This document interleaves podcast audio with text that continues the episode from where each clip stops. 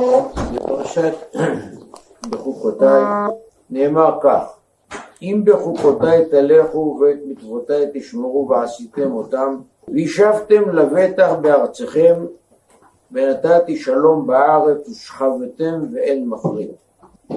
לאחר שבפרשת בהר התורה נתנה לעם ישראל חוקי יסוד והקדוש ברוך הוא הדגיש את הלכות שמיטה ויובל ואמר בצורה וחד משמעית שעליכם לדעת כי להשם הארץ, כי לי הארץ, פעמים רבות. כלומר הקדוש ברוך הוא מסביר לעם ישראל שארץ ישראל היא נחלתו הפרטית והסביר את זה הרמב"ן באריכות בפרשת אחרי מות שאין ארץ ישראל כשאר הארצות שנתונה תחת שלטון של מלאכים אלא נחלה בלעדית של הקדוש ברוך הוא. ואי לכך אני נותן לכם את הארץ אבל תחת תנאים. תחת תנאים ברורים וכתובים. והתנאים האלה הם הסכם וחוזה בין בעל הנכס לבין מי שבא לגור בו כמקובל בכל מקום שאדם נותן איזה נדל"ן בין אם זה בשכירות בין אם זה מכר יש חוזה שמעגן את התנאים שעל פיהם הוא נותן את הנכס. והרמב"ן כותב בויקרא, פרק י"ח, ארץ ישראל נחלת השם מיוחדת לשמו והנחילו אותה לעמו המייחד שמו זרע אוהביו.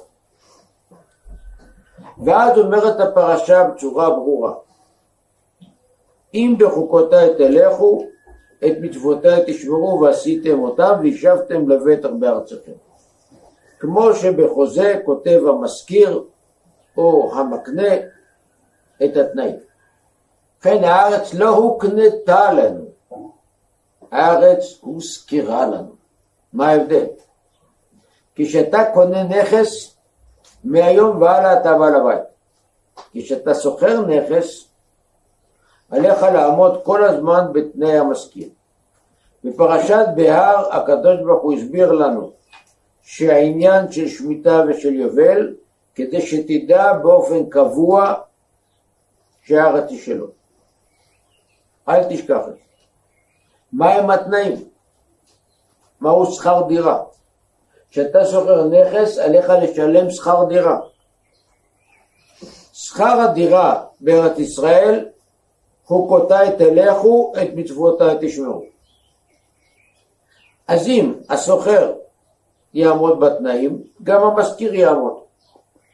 נתתי גשמכם בעיתם, את השדה ייתן פריו, והשיג לכם די של בציר, ובציר ישיג את זרע. וישבתם לבטח בארצכם, ונתתי שלום בארץ ושכבתם ואין מחר. וכדי שכל יהודי ידע את זה, אז קוראים את התורה בבית כנסת בשני, חמישי, מנחה בשבת ושבת בבוקר. כל יהודי מגיל קטן עד גיל מבוגר שמע את זה ארבע פעמים בשבת בחוקותיו, ארבע פעמים בשבוע. שני, חמישי, מנחה בשבת ושבת בבוקר.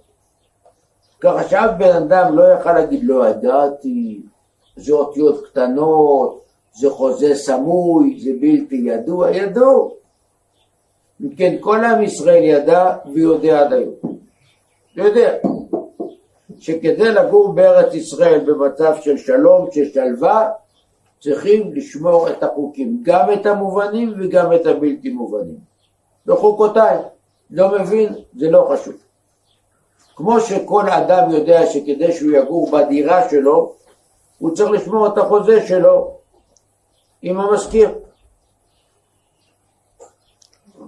ולכן הפרשה כותבת בהמשך, אם אתם לא תעמדו בתנאים ואתם תפרו את החוקים ולא תרצו לשמור את המצוות, תבואנה עליכם צרות, גל אחרי גל, גל אחרי גל, שבעה גלים, 49 קללות. וכל זה נועד כדי לתת לכם תזכורת לחזור בתשובה. הדברים כתובים בצורה ברורה. אם בסופו של דבר לא תבינו את הדברים, לא תהיה ברירה אלא לעשות לכם צו פינוי, לגרש אתכם מהארץ. וכך כתוב בהמשך הפרשה. וניתתם ביד אויב, ואכלתם בשר בניכם ובשר בנותיכם תאכלו, ונתתי את עריכם חורבה, והאשימותי אני את הארץ, ואתכם הזרה בגויים, והריקותי אחריכם חרב, ועבדתם בגויים ואכלה אתכם ארץ אויביכם. ככה כתוב בהמשך הפרשה. כלומר, הדברים לא הוסתרו ולא הוסרו. עם ישראל ידע כל הזמן שיש ויש. יש לכם אפשרות לגור טוב, בתנאים טובים. זאת תהיה הארץ הטובה ביותר בעולם, עם היבולים הנפלאים ביותר.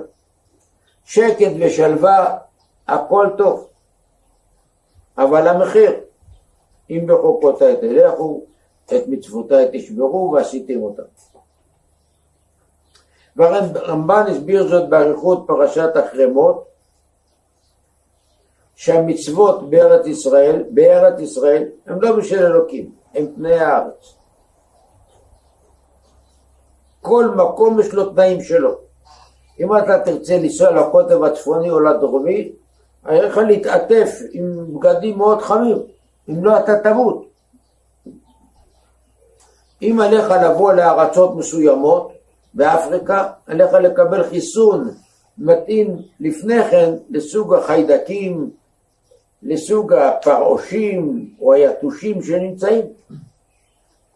אם לא, היתושים יעקצו אותך ואתה תסבול או אפילו תמות. אם כן, לכל מקום בעולם יש תנאי קיום.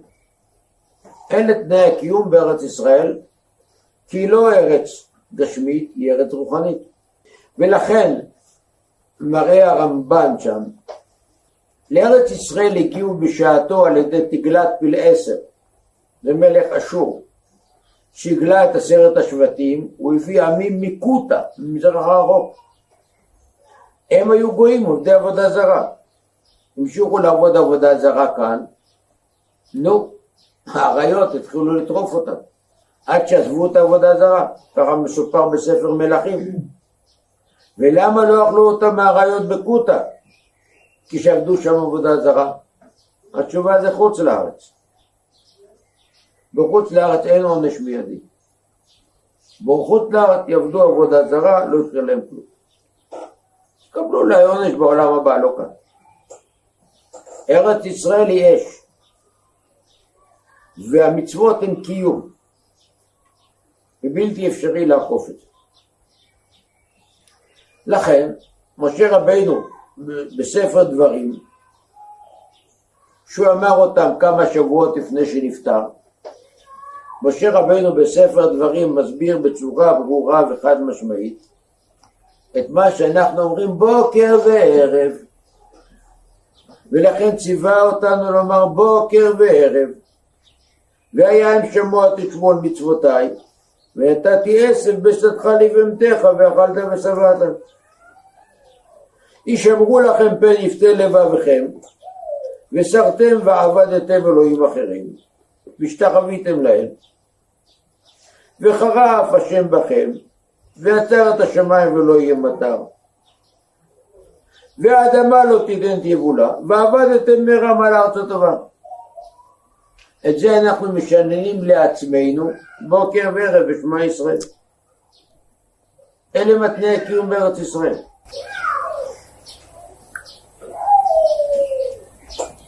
אנחנו נמצאים היום שלושת אלפים, שלוש מאות שנה, קצת יותר, ואחרי שמשה רבנו כבר אמר לנו את הדבר הזה. אם אנחנו עכשיו נבדוק בבעת הזמן שעומד לרשותנו את העבר,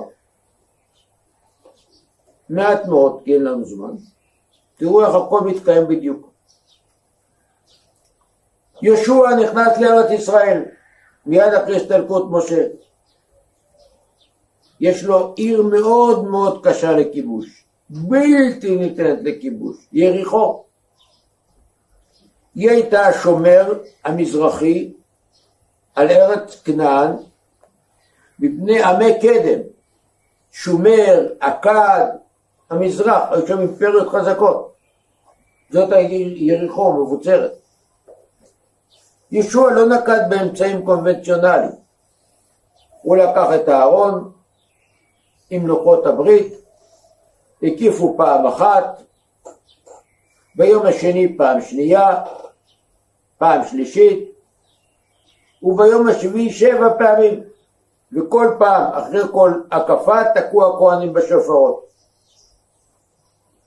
בסך הכל הקיפו כמה פעמים, 13. והיום השביעי היה בשבת. הקיפו שבע פעמים, ואז תקעו בשופרות, ולפתע החומה קרסה, כפלה תחתיה, עד היום אפשר לראות את זה. לאחר ששת הימים נסעתי לראות את זה. עד היום אתה רואה את זה. כי כשחומה נופלת בגלל רעידת אדמה, בגלל לחץ כלשהו, היא נופלת בהטייה. כאן היא פשוט קרסה תחתיה. עד היום שבועות עבד. למה? להראות שהכל היה לפי יד השם. בלי חרב, בלי חנית, בלי שום לחימה. בהמשך, עמי כנען ראו שהעם היהודי פלש, יצאו למלחמה. הקדוש ברוך הוא אומר לישוע, אל תירמם, כי בידך נתתים ולא יעמוד איש מפניך. אל תירא. וכך מסופר שם, ישוע היכה אותם בצורה מאוד מאוד קשה, ולא סתם, הוא קיבל סיוע אווירי. הקדוש ברוך הוא נותן לישוע סיוע אווירי, וכך כתוב שם בפרק י' והשם השליך עליהם אבנים גדולות מן השמיים עד עזקה וימותו רבים אשר מתו באבני הברד מאשר הרגו בני ישראל בחרב. הקדוש ברוך הוא זורק עליהם אבנים ענקיות מהשמיים. לא נשמע כדבר הזה מעולם. אבנים שמהשמיים. ועל אז ישוע לא מספיק לגמור את הקרב. השמש הולכת לשקוע. והוא לא יוכל לקצור את פירות הניצחון. ישוע נותן פקודה לפני כולם, בפומבי, שמש בגבעון דום. הוא לא מבקש מהשם, הוא לא מתפלל להשם, הוא מנחית תורה. שמש בגבעון דום, והשמש נעמדה.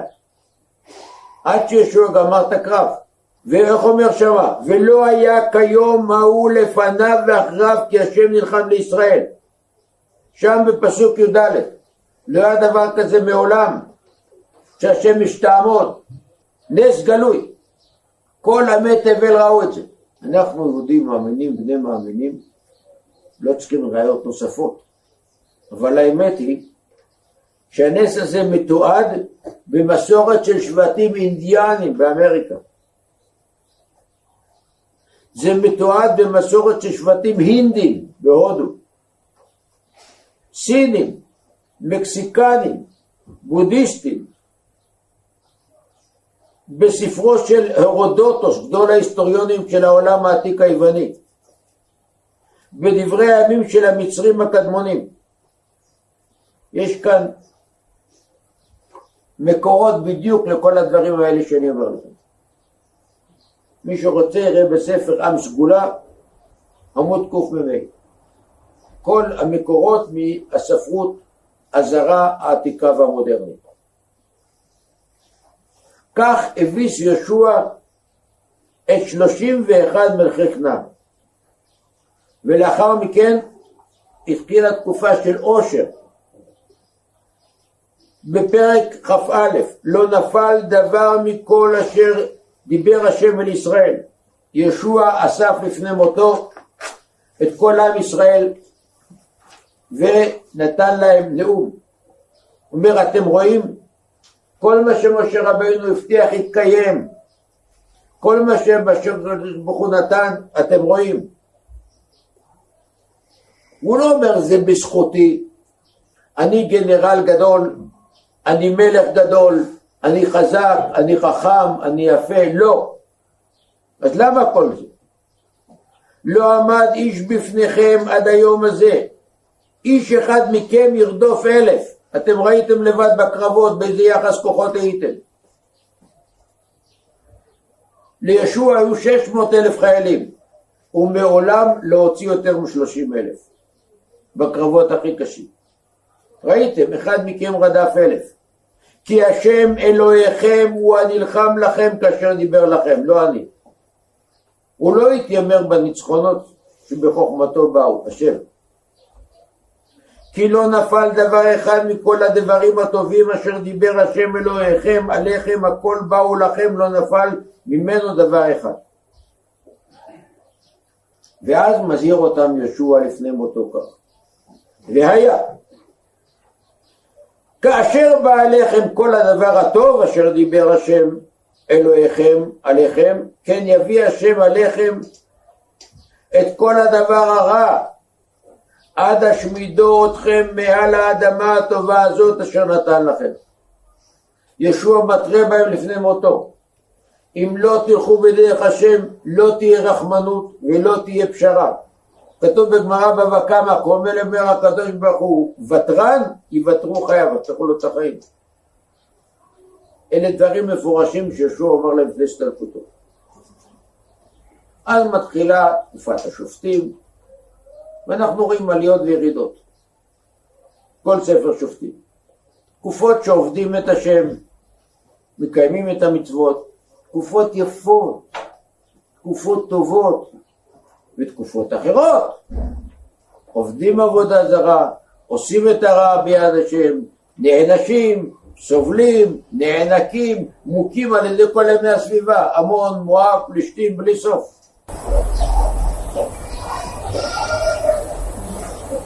עם הזמן, לאחר כשמונה מאות שנה של עבודה זרה וכדומה, מגיע מלך אשור ומממש את התנאי, לוקח אותם בגלות. תגלת פילסר לקח עשרה שבטים רבותיי. 85% מעם ישראל, עקבותיהם לא נודעו עד היום הזה. לקח אותם למזרח, מי יודע. יש כל מיני סיפורים שאצל אפגניסטנים, פקיסטנים, גם היפנים שהם צאצאי הסרט של השבטים. לך תדע. בקיצור, ההוצאה לפועל מומשה בצורה חד משמעית. לאחר התראות ארוכות של נביאים רבים שעמדו להם לישראל והתרו בהם והזהירו אותם. זה האסון הגדול ביותר בתולדות עם ישראל, יותר מכל החורבנות והשואות, 85% מהעם. מלך יהודה באותה תקופה, חזקיהו המלך, שהחזיר את העם בתשובה. אבא של חזקיהו המלך, אחז, היה גדול הרשעים. למה נקרא שמו אחז? אמרו חז"ל שהוא אחז את כל הבתי כנסיות. שם מנעולים על הבתי כנסת. אסור ללמוד תורה אסור להתפלל. הכניס לתוך בית המקדש פסל מילא את כל עם ישראל כל סוגי עבודה זרה שאפשר. שלא קם רשע כמוהו. הבן שלו חזקיהו החזיר את העם בתשובה. שבר וניתץ את כל הפסלים וגרם לכך שכל עם ישראל למד תורה. עד שלא נמצא תינוק ותינוקת שלא ידעו כל ההלכות הכי מסובכות של הלכות טומאה וטהרה. והנה, בשנת 14 לחזקיה, מסופר בספר מלכים ב' פרק י"ט, בא סנחריב מלך אשור בראש צבא עצום, 185 אלף איש הסגל הפיקודי. אז תבינו, מיליונים של חיילים. הוא כבש את כל הערים בסביבות ירושלים ואז הוא מגיע לירושלים. רב שקה היה הדובר של צבא אשור. הוא עומד ומתרה בחזקיהו, בחוץ לפני החומה, תניב דגל לבן ותיכנע. כי אם לא אני הורס את כל ירושלים. אם כל חייל שלי ייקח רק אבן אחת מהחומה לא תישאר חומה. כשהסוסים שלי עברו בירדן לא נשאר מים בירדן. כל סוס הוציא כמה טיפות מים על הרגליים ולא נשאר כלום. תבין עם מי אתה מתעסק. הוא כבש את כל המזרח רבותיי. סנחריב הביא את האימפריה האשורית לשיא. הוא לעג לבני יהודה באותו נאום. אתם חושבים שאלוקים שלכם יכול להגן עליכם? כל העמים שכבשתי חשבו שהאלוהים שלהם יעזור ולא עזר. חזקיהו המלך, חזקיהו הצדיק, אתה יודע מה לעשות. ניסיון להילחם זאת התאבדות. הוא הלך לישון והתפלל לאלוקים, כך מסופר עכשיו בתנ"ך. אמר אין לי כוח להילחם, אין לי אמצעים להתמודד, אני הולך לישון במנוחת הנפש, הוא לא הפעיל חמ"ל ולא כל מיני אסטרטגיות ולא ירד לבור, אתה אלוקים תסדר את זה. ויצא מלאך השם ויח במחנה אשור. בלילה אף אחד לא קם. בבוקר קם מלך אשור, כך מסופר שם. ויהי בלילה ההוא ויצא מלאך השם ויח במחנה אשור מאה ושמונים וחמישה אלף וישקיעו בבוקר והנה כולם גרים מתים. היחיד שנשאר זה סנחריב. הוא חזר ברגליו לאשור. ושם הוא הלך לפסל שלו כנראה להתלונן למה הוא לא הצליח. על יד הפסל שלו באו שני הבנים שלו עם מקלות שברו לו את הראש והרגו אותו. ככה מסופר בספר מלכים. הרב אביגדור מילר, בספר הזה שציינתי לכם, מה סגולה, שיש לכם כאן, מספר שמבקרי המקרא לעגו לסיפור השמדת צבא סנחריב. זה סתם, הם הרי לא מאמינים בתנ"ך, לא מאמינים בתורה. אבל לא הייתה להם ברירה. בסופו של דבר מצאו ארכיאולוגים את כתובות עתיקות שהכל מתועד, כל הכישלון הזה מתועד, כולל זה שסנחריב עומד לפני המזבח של אלוהים שלו ושני אנשים שאומרים לו את הראש שלו מוכלו. משה אמת ותורתו אמת. אז הנה, הצגתי לכם רק ממש נקודות בודדות, איך שקוים בנו הפסוק שכתוב בתחילת ספר ישעיהו, אם תבואו שמעתם אומר ישעיה הנביא, טוב הארץ תאכלו, ואם תמנו ומריתם חרב תעוקלו, לשון נופל על לשון, החרב תאכל אתכם. ראינו את הדברים בעליל, איך שמה שכתוב כאן קוים לאורך ההיסטוריה. וכל מי שיעמיק יוכל לראות את הפרטים ופרטי הפרטים. יראה את הייסורים הקשים שלעברו על אבותינו ב-850 שנות הבית הראשון, כששרו מן הדרך, ולעומת זאת את העושר הגדול שהיה בתקופת דוד, בתקופת שלמה, בתקופת חזקיה וכדומה, כשהם שמרו וקיימו את דבר השם. יחד עם זאת, אנחנו רואים את הקיום של הנבואה. בסוף הפרשה כתוב והבאתי אותם בארץ אויביהם, ואז ייכנע לבבם הערל, ירצו את אברהם, וזכרתי את בריתי יעקב, ואת יצחק בריתי אברהם, והארץ אזכור. בסוף הפרשה שלנו, פרשת בחוקותיי, כתוב שהם יחזרו מן הגלות. לא בזכותם, בזכות אברהם, יצחק ויעקב. וזה מה שאנחנו אומרים בתהילים מדי בוקר בתפילה. אשר קראת את אברהם ושבועתו לישחק ויעמדה ליעקב לחוק לישראל ברית אמרם לאמור לכו אתן את ארץ קנן חבל נחלתכם וככה אומרים בתפילה וזוכה חסדי אבות ומביא גואל לבני בניהם. אם כן אנחנו רואים בפרשה שלנו גם את הגלות וגם את הגאולה גם את הצרות וגם את הטוב. לא בצורה נסתרת, לא בגימטריות ולא בקודם ולא בכלום, אלא דברים ברורים שמובנים לקטן ולגדול. אנחנו נמצאים כאן בארץ היום. הקדוש ברוך הוא קיים את ההבטחה והחזיר אותנו לארץ. ואני לא צריך לומר לכם אתם למדתם בתי ספר שונים. מה מלמדים כאן? בזכות מה חזרנו? בזכות מה? בזכות הצהרת בלפור, בזכות האו"ם, בזכות ההגנה, בזכות האצ"ל, בזכות הלח"י, בזכות השומר, כל מיני דברים של בשר ודם של כוחי ועוצם ידי. אבל את האמת אנחנו יודעים. לא אצ"ל ולא לח"י, לא בלפור ולא או"ם. הסיבה שחזרנו זאת אותה שבועה שאנחנו קוראים הקדוש ברוך הוא נשבע לאברהם, יצחק ויעקב. ואת האמת הזאת יודעים שלוש מיליארד מוסלמים ונוצרים שמאמינים בתנ"ך. מיליארד וחצי נוצרים יש, מיליארד וחצי מוסלמים יש היום בעולם. הם מאמינים מה שכתוב בתנ"ך. גם את זה לא לימדו אתכם, ידידיי. הסיבה שלורד בלפור נתן את ההצהרה שלו עם לויד ג'ורג', ראש הממשלה הבריטי, כי הם היו אנשים דתיים והאמינו בתנ"ך. ואת זה כתוב ביומנים שלהם, אבל את זה לא מלמדים בתי ספר. לא מלמדים. ממציאים כל מיני שקרים. כאן לא רחוק בהר גילה, יש בית ספר שדה, חברה להגנת הטבע. השם יש קורסים של החברה להגנת הטבע, לוקחים את הנוער הכי טוב במדינה, בוגרי שמיניות, בוגרי י"ב, שמכשירים אותם להדריך קבוצות בכל שמורות הטבע.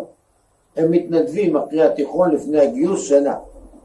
זה קורס ממושך, קורס מאוד יסודי. מה מלמדים אותם? פלנטולוגיה, הרבה מאוד נצרות, הרבה מאוד אסלאם, ארכיאולוגיה, הרבה מאוד על חרקים ופרחים, כלום כלום יהדות. פעם אחת פנו אליי, ואני מוכן לבוא לתת הרצאה על התפיסה החרדית על ארץ ישראל. אמרתי להם, אני לא יודע תפיסה חרדית. אני יכול לתת לכם מהתפיסה היהודית על ארץ ישראל. לא, לא, חרדית. כי הם, הם לא יהודים. טוב, באתי לתת הרצאה, תנ"ך, גמרא, מדרש, כל, וכן אנחנו רואים את ארץ ישראל. יהודה הלוי. והסברתי להם שארץ ישראל היא שלנו בגלל ההבטחה של הקדוש ברוך הוא. היא ארץ אלוקית. ולא בגלל כ"ט בנובמבר 47 החלטת האו"ם, ממש לא. באחת הפעמים התקשרה אליי האחראית, אומרת, תראה, הפעם תהיה לך קבוצה שונה. זה אנשים ככה בערך בגיל 40, ששילמו הרבה כסף בשביל הקורס הזה, זה חובבי ארץ ישראל, אז תדע לך, יש בקבוצה גם שני ערבים. תשמור את הפה שלך. אמרתי לה, תראה גברת, מי שאומר את האמת לא צריך לשמור את הפה. מי שאומר שקר צריך לזכור מתי הוא שיקר את זה. לא אמרתי את השקר הזה, לא את השקר הזה. זה מה שעושה פוליטיקאי, לכל מגזר רוצה משהו אחר. צריך לזכור, לשמור את הפה, לא לבלבל את השקרים. מי שאומר אמת, אין לו בעיה. באתי ישר, נתתי להם אותה הרצאה. קם אחד אומר לי, אני ערבי מאום אל-פחם. אני כבר שמעתי מאות הרצאות על ארץ ישראל. מה שעכשיו סיפרת שבזכות אברהם, יצחק ויעקב, אני פעם ראשונה שומע דבר כזה. את האמת, אני מאמין בזה, כי זה כתוב בקוראן. אבל אני שומע פעם ראשונה יהודי שאומר כזה דבר. אני הייתי בטוח שיהודים לא מאמינים בזה. כולם ישבו בשקט, אף אחד לא אמר לו למה אתה מלכלך, למה אתה משמיץ. כן, בחטאינו, הערבים מאמינים בזה. ואז הוא שואל אותי, תראה, אתה אומר בגלל אברהם, נכון? אבל אברהם היו לו שני בנים, אז מגיע לנו חצי מארץ ישראל. אמרתי לו, אתה צודק. את השאלה שלך שאלו בתלמוד. והתשובה שנתנו בתלמוד היא זאת. הקדוש ברוך הוא אמר לאברהם כי ביצחק יקרא לך זרע. הווה אומר שאני נותן מתנה לאדם מסוים אני יכול להגיד לו, אחרי שאתה תמות, זה יהיה לבן הזה ולא לזה. כי אני בעל הנכס. אז אני יכול לצוות מי יירש אחרי זה. אם כן אלוקים אמר לאברהם, ביצחק יקרא לך זרע, ביצחק ולא ישמעאל. ואתה הרי אמרת שאתה מאמין בתורה, הנה לך תשובה. ב', בינינו. המלאך אמר לאבא שלכם, לישמעאל, המלאך אמר להגר שישמעאל ישקוד על פני כל אחיו. אתם, יש לכם אדמה מטורקיה ועד סעודיה, מעבר הירדן ועד אפגניסטן, פקיסטן, כל זה מוסלמים. חצי כדור הארץ שלכם, על מה אתה מדבר? אנחנו יש לנו בקושי נקודה שרואים אותה לגלובוס, גם זה אתה לא מפרגן לנו? יושב ככה. זה לא מדבר. כי אם אתה מדבר איתם בפלטפורמה שלהם, דעת, פרקים, זה ויכוח אחר. אם היו מנהלים איתם את המשא ומתן על שלום, תלמידי חכמים גדולי הדור, מזמן היה שלום. אבל אם אתה מנהל את המשא ומתן על כיפופי ידיים, אנחנו נראה לכם, נפרק אתכם, אומרים בסדר. נראה מי נצליח אחרון. שפה אחרת לגמרי. שפה של אמת, שפה של אמונה, שפה של דבר השם. ואל תחשבו שזה לא היה. היו היה גם. הפרעות התחילו כאן בארץ ישראל, פרעות, המציאו מילה פרעות. תגידו לי, אתם למדתם קצת היסטוריה. אתם זוכרים שהעלייה הראשונה באה לכאן כי היו פוגרומים, פירוט היו פוגרומים. אז היה סופות בנגב בעלייה הראשונה, השנייה, השלישית, 1905 בהומל. למה לא קראו לזה בארץ גם פוגרומים? נמצאו מילה פרעות. כי רק בחוץ לארץ יש פוגרומים, בארץ אנחנו אדוני הארץ, מה זה כאן? בשביל מה באנו לארץ ישראל, אומרת הציונות? שיותר לא יהיו פוגרומים. כאן נחיה בשקט, בשלום, בשלווה. בפרעות כאן נהרגו פי כמה מה שבפוגרומים שם. ומתי הם התחילו? שש מאות שנה שמרו את התורה והמצוות בארץ. מזמן הרמב"ן חיו בארץ ישראל רק אנשים שרואים תורה ומצוות, היה שלום עם הערבים. ואת מה שאני אומר לכם כותבים כל ההיסטוריונים החילוניים, מי שרוצה את כל הרפרנס, הבית שלי מלא ספרי היסטוריה. ושאלו כאן את דורי, עכשיו הוא מתחיל לכתוב. היה שלום. לא שלום, כבוד. הערבים כיבדו אותנו. שלא תהיה טעות. היו התנפלויות, היו גנבות, היו רציחות, על רקע פלילי. לא על רקע לאומני, כמו שהם עושים אחד לשני הערבים, גם. זה הורג את זה, זה הורג את זה. זה הרקע לאומני. הלאומנות מתחילה להופיע ב-1904. כך כותבים כל ההיסטוריונים. זה לכם כל החומרים. מתי? כשבאה העלייה הראשונה, במספרים נקראת העלייה השנייה.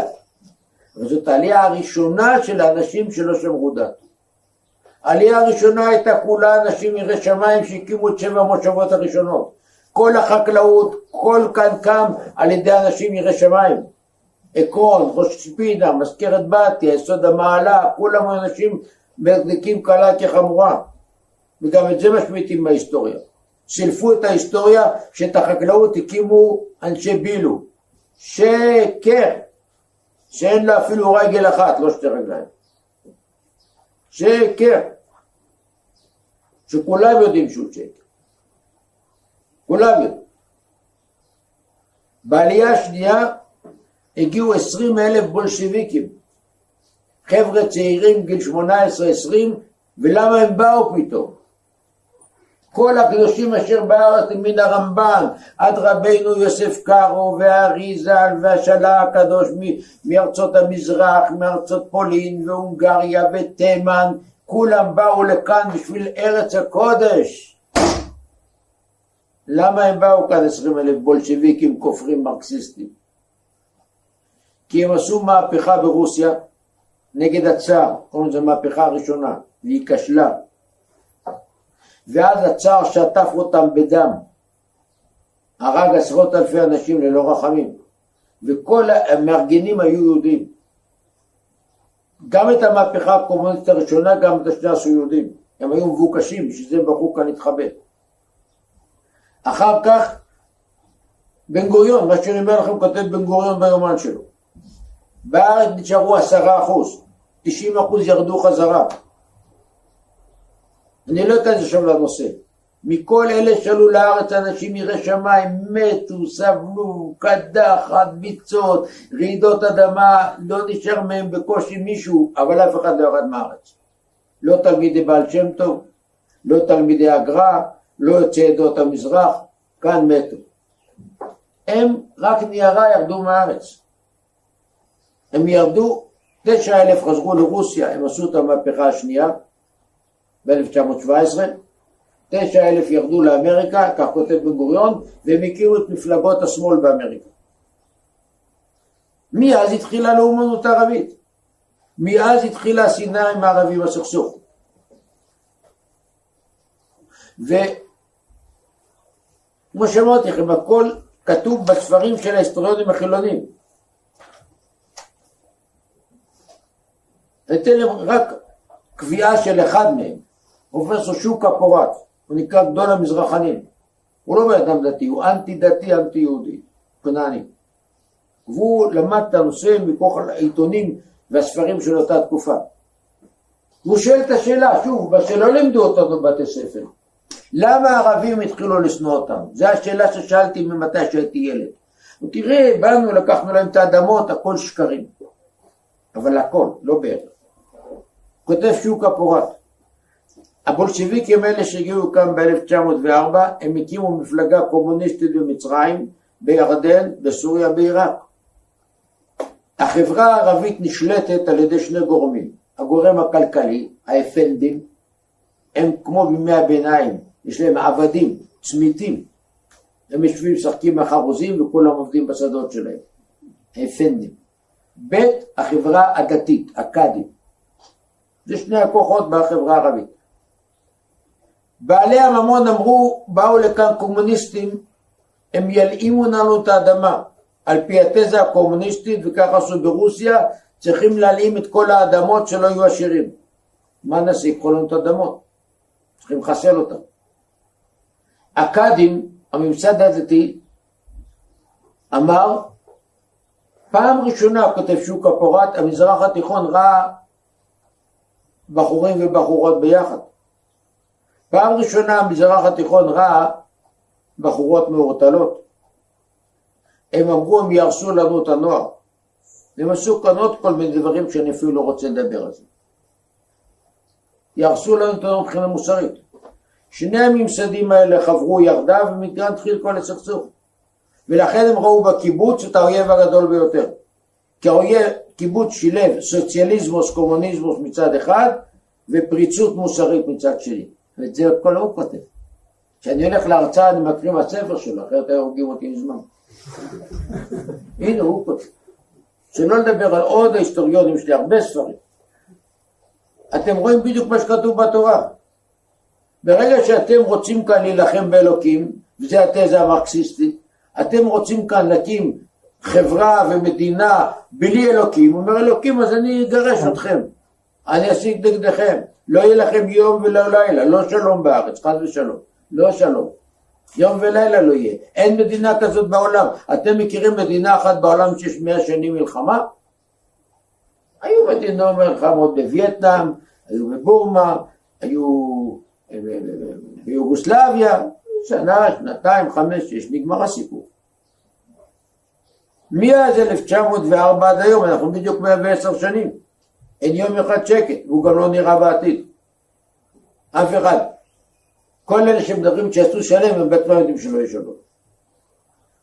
אם כן, התחילו הפרעות ב-1920, 21, 22, כל שנה יותר חמור, בכל הארץ. הרגו ופצעו ב-1924, בדיוק לפני 90 שנה, נסע הרב הראשי רב יוסף חיים זונפלד, ויחד עם יד ימינו דוקטור יעקב דהן. הוא היה חוזר בתשובה מהולנד, דוקטור יעקב דהן, עילוי, גאון. שמונה שפות פרפקט, עורך דין, עיתונאי, משורר, רב תחומי. והוא חזר בתשובה, הוא נהיה יד ימינו. והוא יצר לו קשרים בעולם, ואז הם נסעו לעבר הירדן. שם התקיימה ועידה של כל המלכים הגדולים, מלך סעודיה ומלך עיראק. הם עשו שם ועידה. והוא הופיע לפניהם, נתנו לו כבוד מלכים. כי רבותיי, הערבי נותן לרב כבוד גדול, הוא לא ישראלי. אני אספר לך סיפור. פעם בטלוויזיה, בתוכנית בפוליטיקה, פגשתי בן אדם אחד, זיאד אבו זיאד. הוא היה שר בממשלת ערפאת, שר לענייני ירושלים. ככה דיברנו, אחר כך יצאנו, אמרתי לו, תשמע, אני רוצה לשבת איתך לאיזה שיחה, החלפנו טלפונים, אחרי חודש נהיה לי קצת זמן, קשרתי אליו, אמרתי לו, מר זיאד, כן, דיברנו להיפגש. אתה מוכן? כן, למה לא? אמרתי לו, איפה המשרד שלך? אמר לי, למה אתה שואל? אמרתי לו, אני רוצה לבוא אליך. אתה תבוא אליי, אני אבוא אליך. אמרתי לו, אבל אתה שר בממשלה של ערפאת. אני שר, אבל אתה רב. צריך, צריך לבוא לרב, לא רב בא לשר. והוא בא לבית שלי. נו, אתם מכירים שר ישראלי שיגיד מילים כאלה? אפילו עוזר של עוזר של חבר כנסת אני לא יכול לדבר. צריך להגיד לו קדוש קדוש. קיצר, הרב זונפלד בא לשם, נתנו לו כבוד גדול וחתמו הסכם שלום. הצהרת בלפור, כידוע לכולכם, נתנה לנו שתי גדות לירדן, גם את הצד המזרחי, שזה מדבר, אין כלום שם, כלבים לא יכולים לחיות שם. הרב זונפלד אמר, אני מוותר לכם אל עבר הירדן המזרחי, איפה שממלכת ירדן, אתם מוותרים לנו על המערבי. וזה ההסכם, חתמו אותו. כשהוא חזר לארץ התחילה הסתה גדולה נגדו, בכל העיתונים. מה זה, אתה ויתרת על שטחים תמורת שלום? זה העיתונים שלה, מי שרוצה לראות אותם בספרייה. וההסתה הלכה וגברה מיום ליום, ועשו לו משפט, את דוקטור דן. בהתחלה הם באו לרב זונפלד לבית, אנשי ההגנה עם אקדחים. הוא אומר, מה אתה מתערב פוליטיקה? תשב כאן, תלמד, תתפלל, אל תיכנס פוליטיקה, זה התחום שלנו. מבינים כמה יחפנים שבאו מרוסיה? רוב היישוב היה דתי אז. ארנוזון נפד לא, לא התרגש, פתח את החולצה, אמר אם אתם רוצים להרוג אותי, אין בעיה. אני לא מפחד מהמתחים שלי, תהרגו. אבל הם הבינו שכאן זה מדי גדול להרוג את הרב הראשי של היהודים בארץ ישראל. הלכו. והם החליטו לחסל את דן, עשו לו משפט עם אשתו של נשיא המדינה בעתיד, רחל ינאית בן צבי, מפקד ההגנה כאן בירושלים, תהומי, ודנו אותו למוות. תבינו, ברוסיה הסטליניסטית לא עשו משפט לבן אדם בלי שהוא מיוצג עם עורך דין, לא משנה שתפרו את המשפט, לא משנה שהמשפט הוא אבל לא כלום. והחליטו להרוג אותו. ברחוב יפו, על יד בית חולים שערי צדק הישן, מי שיודע, באמצע רחוב יפו, ירו בו שלוש כדורים והרגו אותו. לימים, כשהייתי בישיבת אור שמח אחראי למחלקה הישראלית, הגיע בן אדם אחד לשנת שבתון, הוא היה מהמהנדסים הראשונים של תעשייה אווירית, המהנדס הראשי של פרויקט תל אביב, מי שיודע פעם פרויקט שרצו לעשות מטוס ישראלי. הוא לקח את שבתון, הוא חזר בתשובה, הוא בא. ואז אני שאלתי אותו, תגיד לי, אתה קוראים לך הכט, אתה קשור משהו עם ראובן הכט? ראובן הכט היה מפקד ההגנה באותה תקופה, ב-1924. אז לא קראו לזה, קראו לזה רמה, ראש מפקדה ארצית. אמר לי, זה אבא שלי. שאלתי אותו, תגיד לי, יש לך איזה ידיעות כלשהם על הרצח של דוקטור דיין? אמר לי, בטח שאני יודע, אבא שלי הספר לי.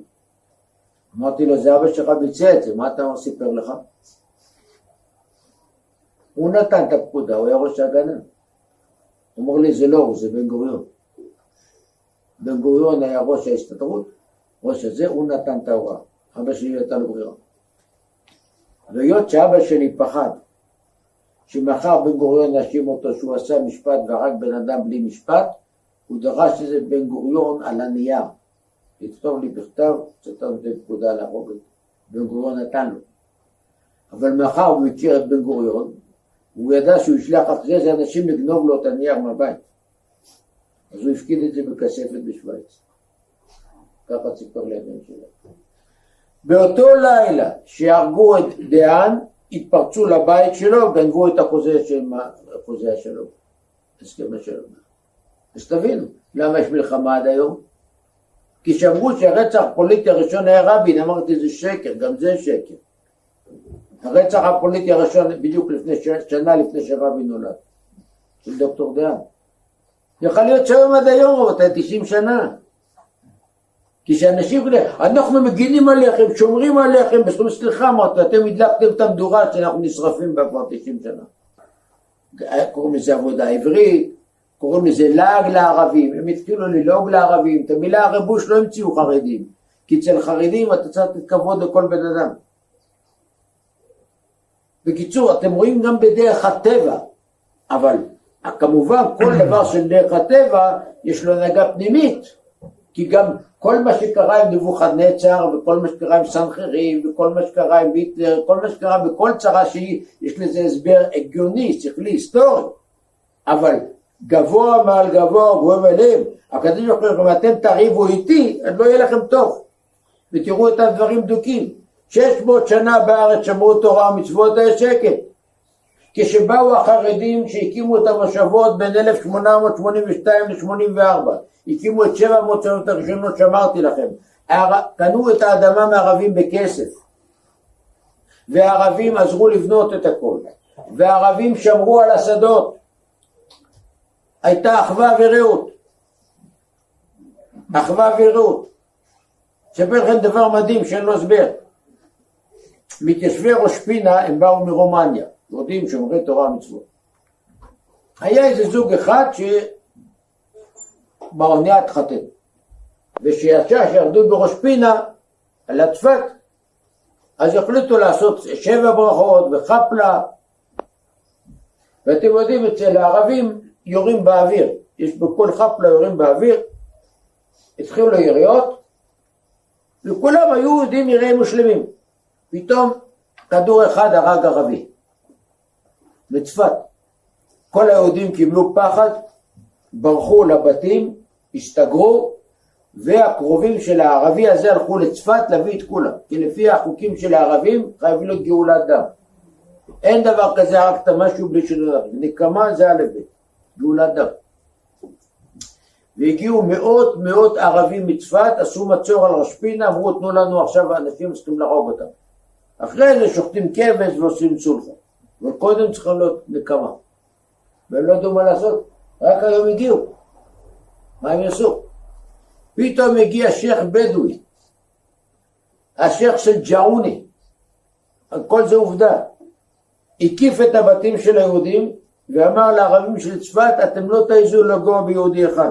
זה היה בטעות, זה היה בשגגה, על דבר כזה לא עושים נקמה. והוא לא נתן לנגוע בהם עד שכל הצפתים חזרו הביתה. אתם רואים? יש לקדוש ברוך הוא שומרים.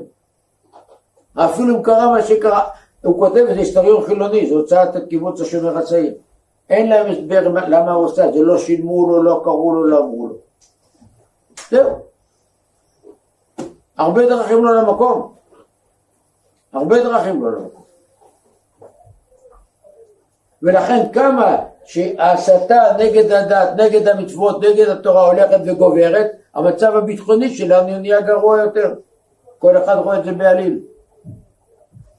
ואם את חוקותיי תימאסו ואת מצוותיי תגאל נפשכם, אז תראו לאן אנחנו הגענו. אלה עובדות.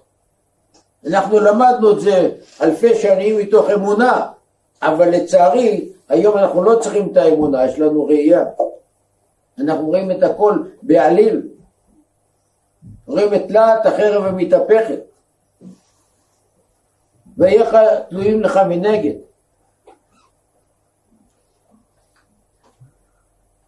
כשהיום אנחנו נמצאים תחת איום של החיזבאללה מצפון והחמאס מדרום, הרמטכ"ל אמר שכל אחד מהם יש לו בערך 70 אלף טילים כל אחד. שלא לדבר על איראן שכולם חרדים ממנה. וכדומה. יש לזה הסבר שכלי? מילא לימדו אותנו בבית ספר, אה, אה, אה, הפלסטינים לקחנו להם את האדמות, בסדר. למה האיראנים נגדכם? מה לקחתם להם? איזה סיבה? אתה רחוק מהם שלוש אלף קילומטר. עוד אף אחד. דיברתי עם מפקדים בכירים, עם פרופסורים, מזרחנים, תגידו, למה האיראנים נגדנו? אף אחד לא נתן הסבר, אין להם. אבל תשמעו טוב, גם אחמדינג'אד, גם היום, גם נסראללה, גם חמאס, הם אומרים אנחנו נגד הציונים החילונים. אנחנו נגד הכופרים הציונים. הם מדגישים את זה כל הזמן רבותיי.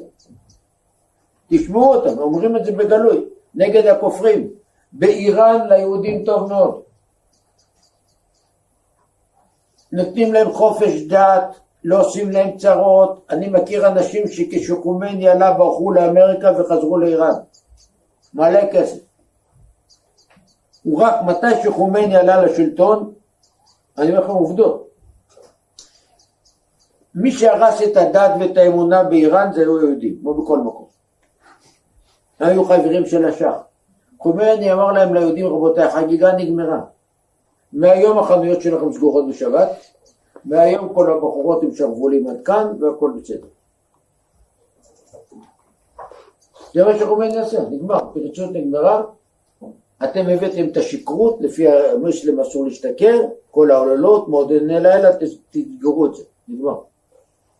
תהיו ילדים טובים והכל יהיה בסדר. וזה עד היום ככה. תמצאו מילה אחת אצל נסראללה, תמצאו מילה אחת אצל חמאס, כולם אומרים בגלוי, נגד הכופרים הציונים, כי לפי האסלאם אסור להיות כופרים. מילה אחת הם לא אמרו נגד היהודים. וניתן לבדוק את זה. אם בחוקותו תלכו נתתי שלום בארץ. נתתי שלום בארץ. אתה רוצה, תנסה את זה. תנסה, תתחיל לחיות על פי התורה והמצוות, ותראה שיש שלום. לא טוב, תחזור להיות חילוני אחרי זה, מה קרה? כי הדבר הזה כבר מוסר. התיאוריה הזאת היא היחידה שעמדה במבחן ההיסטוריה. הקומוניזם ניסה את ההיסטוריה, לא הצליח, סוציאליזם לא הצליח, כל התיאוריות החברתיות, דתיות, כלכליות, שהיו כאלה אלפים לאורך תולדות הציוויליזציה, נוסו וכשלו. המודל היחיד שעמד במבחן אלפי שנות היסטוריה וצלח, זאת התורה, מה נעשה? לכן כותב הרמב"ן, גם אם היינו מוצאים את הספר הזה באיזה חפירות ארכיאולוגיות את התורה, ולא יודעים שזה מאלוקים, אבל היינו משווים, רגע, תראה מה שכתוב כאן קרה, קרה, קרה, קרה, היית לבד מבין שזה ספר רציני, בלי שתדע אפילו מי נתן אותו. מבחן התוצאה. לכן זאת עלינו לדעת מה זה שורש הרע ומה זה שורש הטובה. ורק אתם ושכמותכם, שאתם מבינים את האמת, שזאת התורה אשר שם משה לבני בישראל, אתם, אותם חוזרים בתשובה, הם מקדמי השלום, לא השמאל ולא הימין, לא התנחלויות ולא מפגינים השמאלנים, אף אחד לא הביא את השלום, לא הימין ולא השמאל. עושה שלום במרומיו, הוא יעשה שלום עלינו. ועושה שלום במרומיו אמר אם בחוקותיי תלכו ונתתי שלום בארץ. לכן צריך לשבת משא ומתן רק איתו. אז תראו עד כמה זה, מה כתוב בפרשה? אם תלכו עמי בקרי והלכתי עמכם בקרי, נכון? השם שלח לנו עכשיו קרי אמריקאי. לא מקרה בכלל והקרי האמריקאי הזה תדעו לכם, הוא יוריד את כולם כאן. לא מקרה אם תלכו בקרי והלכתי בכם בחמת קרי. שובו אליי, אומר בורא עולמים, שובו אליי ואשובו עליכם.